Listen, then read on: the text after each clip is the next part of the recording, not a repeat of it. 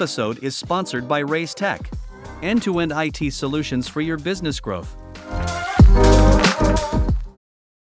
Hello, everyone. Uh, this is uh, On the Agile Couch, uh, our fourth season, uh, kicking off and uh, going forward. And finally, it took us three years to get Charles to uh, to speak with us here on the Agile Couch and do a full-fledged podcast. I know we did some discussions uh, previously, but uh, now we can have more time and discuss more things, maybe. So thank you, Charlie, for joining. Uh, Thank you, Gražvydas, for the invitation. It's really cool to finally have like this full-fledged. I remember even in Kaunas uh, a couple of months ago, it was a bit like the time was a bit rough to get a full-fledged. So this time, I'm really on the couch. Yeah, we finally have a couch. Yeah. so so everything adds up. All right. So uh, and the topic we're going to talk about today, uh, we're going to talk about thing that you strive in, and it's visual facilitation Yep. and using visuals to think and to process your thoughts. Right. Um, I'm not sure if it has a formal name to it, uh, but uh, this is give or take the the essence, right? Yeah. So basically, people talk about visual facilitation or visual thinking, and I am, uh, for instance, a teacher for Bikablo, which is a, a German uh, brand, a German organization that really thought about like how do we teach this technique so that people can use it. So that's has really been the intent, and it's it's really about like making sure that people can also own the whole their own process. I mean, yes, I do it and I can do it, but it's also about when I teach it, it makes no sense that people call me afterwards and hey, Charlie, can you do this for me? So that's uh, So can you draw this for me? yeah, yeah, yeah. I mean, usually I say, hey, come on, you know. yeah. But but th- but th- this is the thing because sometimes people say, but you know, Charlie, you do so many things and they're so beautiful and so on, and and I mean, especially people who who have never like been to a training or practice because of course you can see things and you can see visuals you can have books you can try to copy from the books. But i mean and and people especially at the start of the training they tell me i can't draw. Yeah. uh, but i've stopped believing them because each time at the end they come up with something and and, and also one thing that um, i remember is that I mean, I also went through the I can't draw phase, huh? but like when I was uh, a kid, and, and my parents actually uh, kept some of the drawings, um, but I drew kind of things like potatoes with sticks, and uh, I would go to my dad and say, "Hey, dad, that's you," and he would say, "Oh, that's really beautiful." So like, you know, like yes, I could hold a pen, I could draw draw on the thing. The, the once we establish that drawing is easy, and of course there's some techniques for that then actually we realize that the real challenge is how can we make something useful you've probably heard of the, the death by powerpoint you know if Yeah. you like so many slides and you can also have death by visuals if you put too many visuals that people Okay. don't know what it's all about so it's really about yeah Uh, so basically, uh, what you're saying that uh, well, we all can draw. It's our mental sort of a limit uh, that you know oh, I, I can't draw can't draw good enough. That puts sort of a, a boundary there for ourselves. Yeah, I, I- I like this idea of good enough because um, many people also have told me that usually at school it's their arts teachers that tell them that they're not good enough. And um, when people tell me I can't draw, actually, how I translate this is like you said, I can't draw well enough, or they compare themselves to people who have been doing it for Exactly, years, yeah. and they compare themselves to artists or to you know like illustrators, to people who do like really professional for years, and like of course, I mean, I'm not a comic book artist.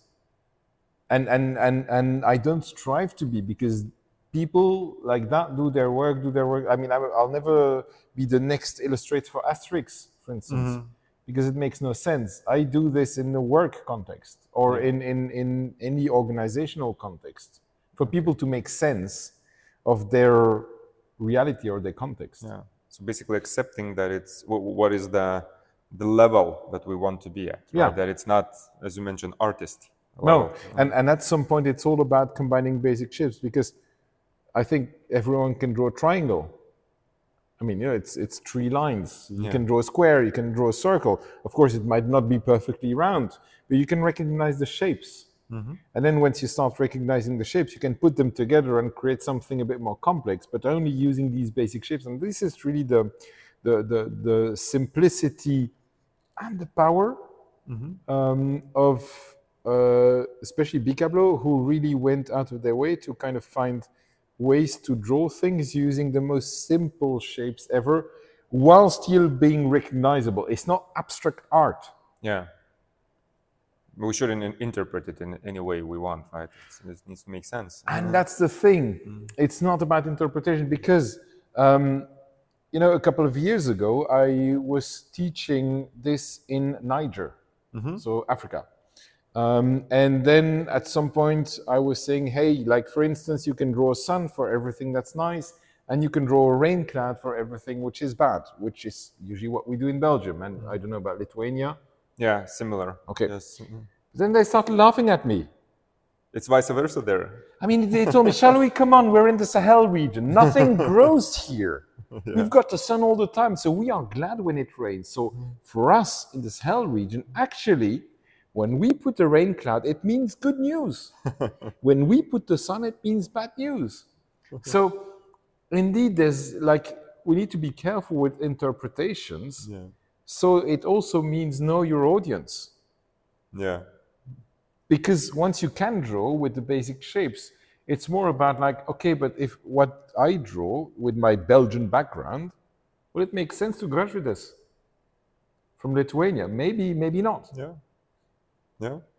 Mentioning Bikablo a couple of times, Yeah. right? Is so, so so what is that? Is it's basically a technique of how to learn this visual facilitation or So- how you would describe it. i mean if you take it at its core bikablo is a brand Yeah. Uh, so founded by Martin Haussmann uh, in Köln, uh, Germany, and uh, basically he also started uh, working in organizations and drawing visually whatever their journey was or whatever their context was, so that people could, people could make sense of the, the context. And then he also realized that people were like, I can't draw, and you do this so beautifully, so please draw, and we will just talk. And he was like, Hey, come on, you know, if it's your thing, you need to own it up, and maybe you need to draw. So he thought, like, how can we make it easy for people to draw things? So first thing is he um, created a series, uh, a series of books with easy to draw icons, like maybe a bomb to indicate a danger or a risk, or maybe uh, a balloon, or you know, like some simple icons that people could uh, reproduce. But still, people told, okay, I can't draw. So then he was like about I mean, even I mean, some people could copy it, but the thing is, like, how do we make sense of it? So they developed a, a training concept, which really makes sure that you start from newbie, and then at the end of the training, actually, you come back home with one poster that you created, and that you can use the next day. So the whole concept is the purpose is when you leave the training, you have already done it once. So you feel confident and then you couldn't do it again. Okay. So basically empowering the Yeah. participants to Yeah. uh, go the journey themselves, in other Yeah. words. Right. Um, getting back maybe to, to a bit of a basics of, of, of everything, right? So visual thinking or uh, visual management or uh, like, I don't know what other names uh, it could be about it. But w- what is that? Where, where it's usually used and what is the benefit of it in general? Okay, I will not say everywhere. Yeah. Because, you know, um, but still, sometimes you can, um, for instance, when you go to a store and there's a sale, you will usually find, you know, these spiky um, uh, you know, icons or stickers saying, hey, 50% off or something like Yeah. that. This is the thing that attracts attention. If you look at comic books, for instance, I mentioned Asterix, you will also see that sometimes the speech bubbles are like, okay, they are thinking, so they're a bit round, and or they are angry, they have another shape. But we can use these shapes as well in our own context to indicate maybe that there's anger or that there's some emotions. If, for instance, we have a team which is in conflict, we can represent that visually because maybe we don't want to stay in that situation.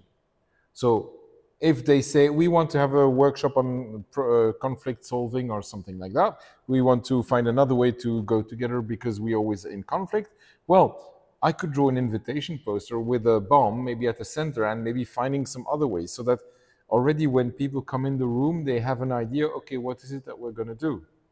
Or I could just put draw a bomb uh, uh, or whatever a conflict in, in one side of the person and leave the rest open so that they could draw the new future, the new possibility.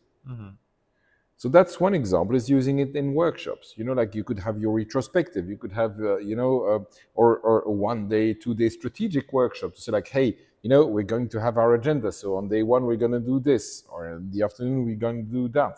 Uh, you've also seen, for instance, here, because we're at um, Agile in Europe right now, and this is an open space. So this morning, Inge actually was opening the open space while explaining the different rules that were um, also on the um, on the walls. Yeah. These these rules were written in Lithuanian, but still there was also an- a drawing, like to kind of give an idea of what it is that we mean, to give some better understanding of what because you know sometimes with words uh, we could misunderstand each other. Yeah.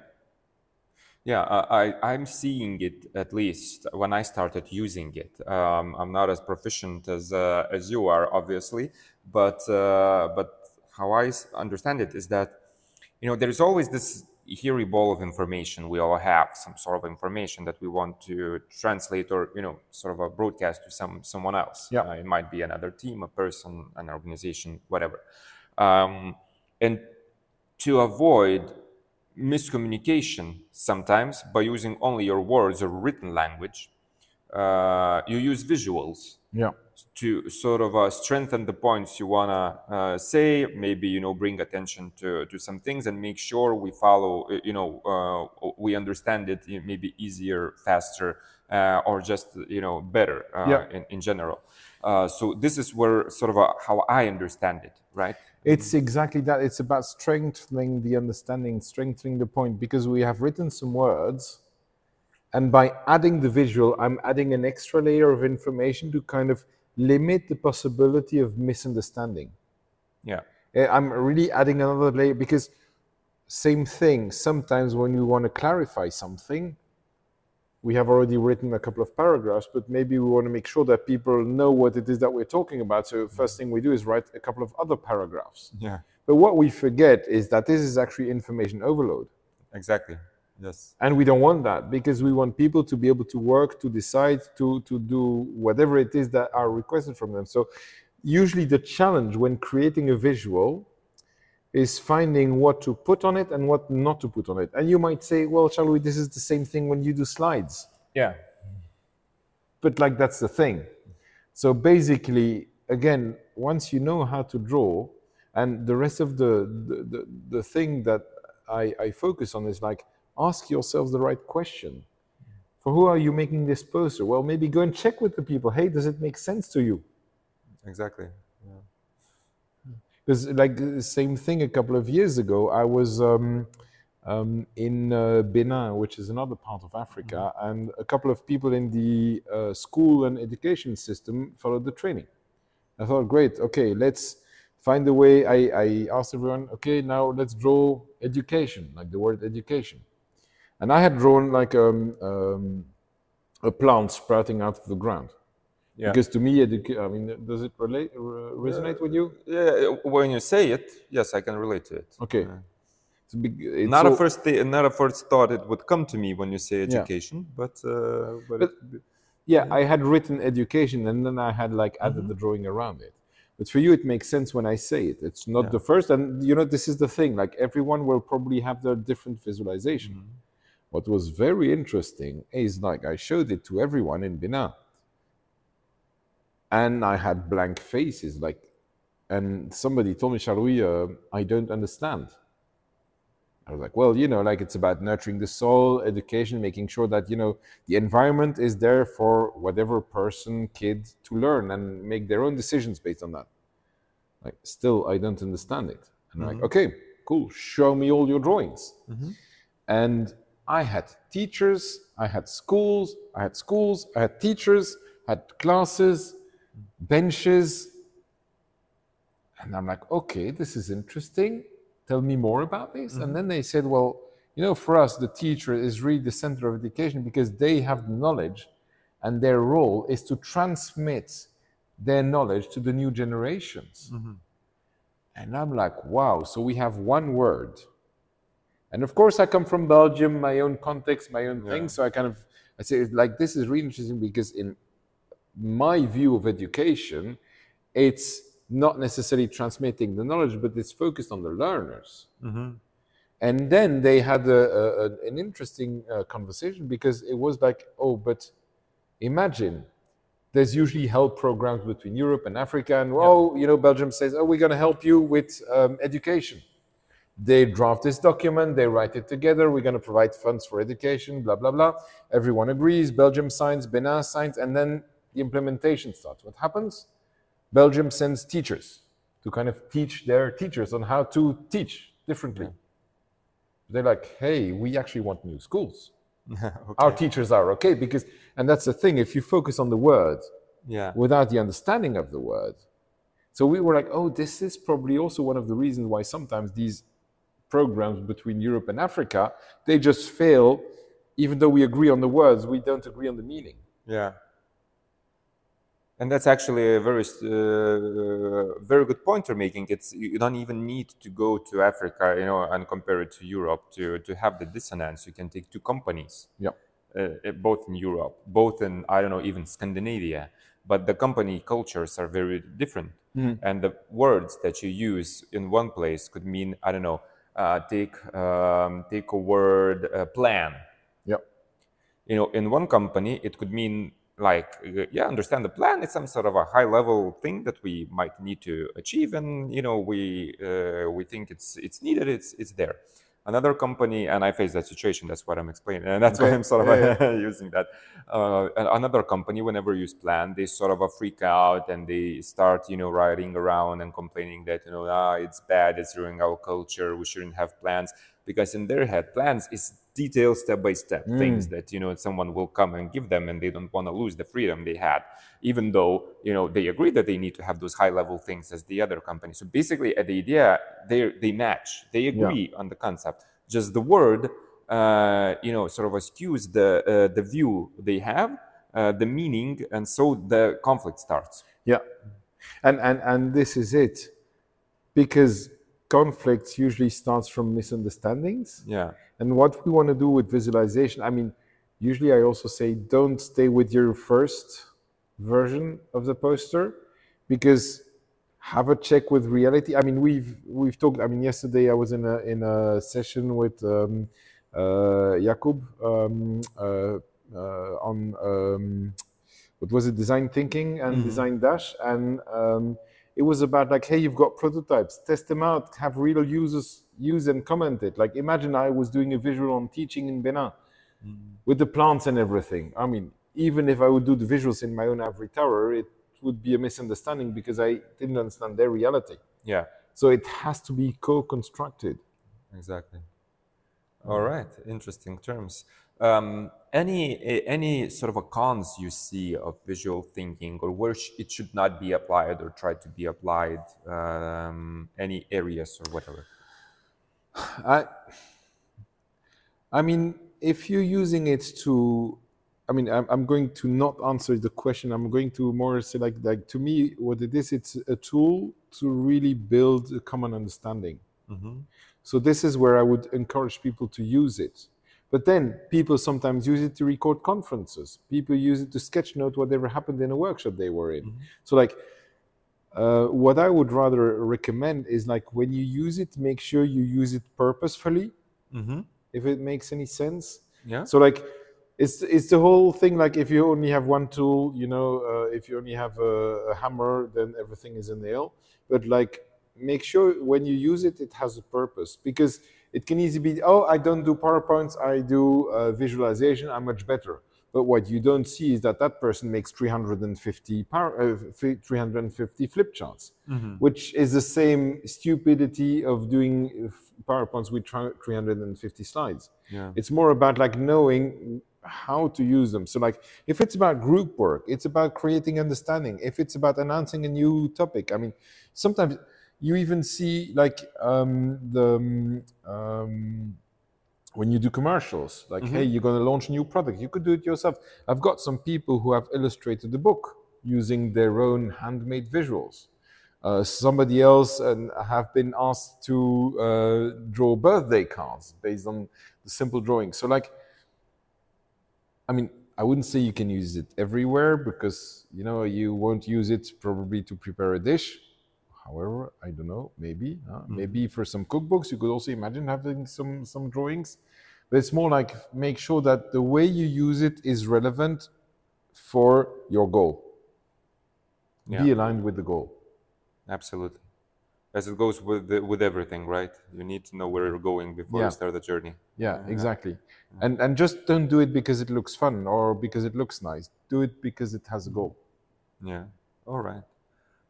Say we have a goal. Um, what Okay. are the first steps, first things if you want to get into the visual facilitation? What what would that be? Should I learn basic shapes as you mentioned? Should I uh, I know just start drawing, do whatever? What's uh, I mean, some people start by drawing and by doing it, and, and and some people start by taking the books and copying the the icons and like uh, practicing. Um, I, one recommendation is if you want to use it with groups and if you want to also have feedback on what you because if you're copying it from books or if you're like studying it on your own it's great and you can have fe- feedback from others. Um, if you want to learn and grow with others I would recommend you to go to a training, not because I want to sell more trainings, because there's many people teaching that, but like if you go to a training, you have the opportunity also to learn and grow with people who are not necessarily from your trade. okay? So you can get inspiration from where they are going to use it. And it will again also help you like master this skill of using it for groups and with groups. All right. That is a good point. I actually have been in a couple of trainings in visual facilitation, Okay. and, and the lecturers use very different shapes, at least. All you know, how they draw a person, how they draw, you Yeah. Mm. know. There was the star people uh, that, you know, I, I was when, when it, it was sort of a recommended. Someone just said, you know, a couple of uh, sticks together, that could be a person. So uh, interesting to see that those techniques are different. Uh, but um, I agree that, you know, you just, uh, you know, whatever sticks to you. If you just have something to go compare, you know, to try. That's, Yeah, because I've had a training where I had some people who worked for a video game company, Ubisoft, and in the same room there was somebody. I mean, it was online. I had somebody from Niger who worked on peace building uh, activities in uh, Niger, so like with youth who have been through terrorist groups and have blood on their hands. And he's like, "Hey, there's another chance in life." So he does workshops with them. So he was also learning. And then I also had project ma- or scrum master. I don't recall. So like many different people from many different um, communities coming together to learn that craft together. There's something really beautiful about that because then you learn as a group, you learn as a community. All right. Yeah, absolutely. Um, what to follow? Any recommendations? So people want to get more into you know this visual facilitation thing. Of course, this Bikablo you already mentioned. I mean, that's uh, yeah. uh, something. But any any I don't know blogs you also recommend. Uh, maybe you do something that you know we can follow. And I mean, you can always follow me on LinkedIn. Yeah. Uh, that's one thing. Um, so, of course, I teach Bikablo, and I would recommend Bikablo training um, because, from what I've heard, from I have some people who went to different trainings, Yeah. and they told me the thing that Bikablo really taught me is how to use it in my context. So, like, that's really if if you, but like, I'm not forcing. Uh, there's also a couple of meetups and blog. You've got the ScotViz meetup, which happens in Scotland. You've got the Visual Jam, which is a regular meetup, also with where you got opportunities to practice and some some stuff like that. So, but I would really like um, just, I mean, my first uh, hint would be just try it out. You know, like I, I tried a couple of years ago before I ever heard about Bikablo. Just um, I remember I was a scrum master and I had drawn just, a, for instance, at the end, end of the board, I had drawn a big treasure chest. And so every time a ticket was finished, we could put it on the treasure chest. And it just that, I mean, didn't serve maybe any, but it, it kind of did something to the team. And there was a kind of, yes, you know, we did Yeah. it. And um, it's about these little things and start using them. Um, and then just, I think you're the only ones who will know what you need. And maybe you're okay with what you have right now. I'm, I'm, I mean, I'm interested in when people, for instance, sign up for a course that they're going to use it. Just do, don't do it. I mean, this is also a real recommendation. Don't go to a course if you think, you know, hey, I, it looks nice, but you're not really sure whether you'll use it or not. Mm-hmm. Because in two days, you will see that you come from zero to hero. Like Yeah. you have done your own poster. But if afterwards you don't have this, I'll use the word discipline or you know like habit. Yeah. Let's use habit because discipline might be a bit like if you don't have the habit of practicing, well, you just threw your money down the drain. Uh, absolutely. Uh, one thing that uh, I've been doing, we started, uh, we had sort of a community of uh, people who Yeah. started to try uh, in one of the companies I work with, um, uh, start to try visual facilitation. Okay. Uh, we just had a group uh, that we call whether it's Teams or Slack. Uh, what we did is someone were posting one word every day, so that you know just uh, draw Yeah. you know and completely random words you know it could be like sunshine it like specific things like sunshine it could be something like confidence uh, right so how would you draw it just one drawing uh, one sort of a draw and uh, it's really nice first of all because you know you practice Yep. uh, second of all you just build your own sort of a library of icons of your own uh, Yep. Uh, third of all, it's really nice, like in a couple of years' time, to come back and see. The oh my God, did I do and, that? uh, yeah, but yeah, yeah, but uh, but still, that's a, that's a progress. So that's uh, that's also nice to see your progress, right? Yeah, yeah, and this is also something because indeed this aspect that you share, there is this community aspect, and I, I'm a firm believer that people learn in groups. Yeah, Um, I mean, especially when it's about things like visualization, things like facilitation. I mean, working together. So like, it's about even I would say if I mean, theater is also something you learn in group because at some point you need to find how you'll play together on the scene. So exactly. you know, it's find ways, find people with whom you can hang out. Don't stay in your ivory tower. Um, and and just because I mean, even illustrators, they do something and then they ask for feedback, so they iterate. So this is really important. All right, getting to the end. Uh, last Ready. question. Yeah, time flies by, doesn't it? Yeah. uh, when you have interesting discussions. Um, I don't know. Remember some sort of a most crazy drawing or something you you needed to do that you know so, so somehow stick to you. I don't know whether it was most important or or or uh, uh, most bizarre or whatever. Uh, what would that be? What what you were drawing there? So I think the, the, the, the most bizarre or the most it was I mean maybe not bizarre but more the most bizarre experience Yeah.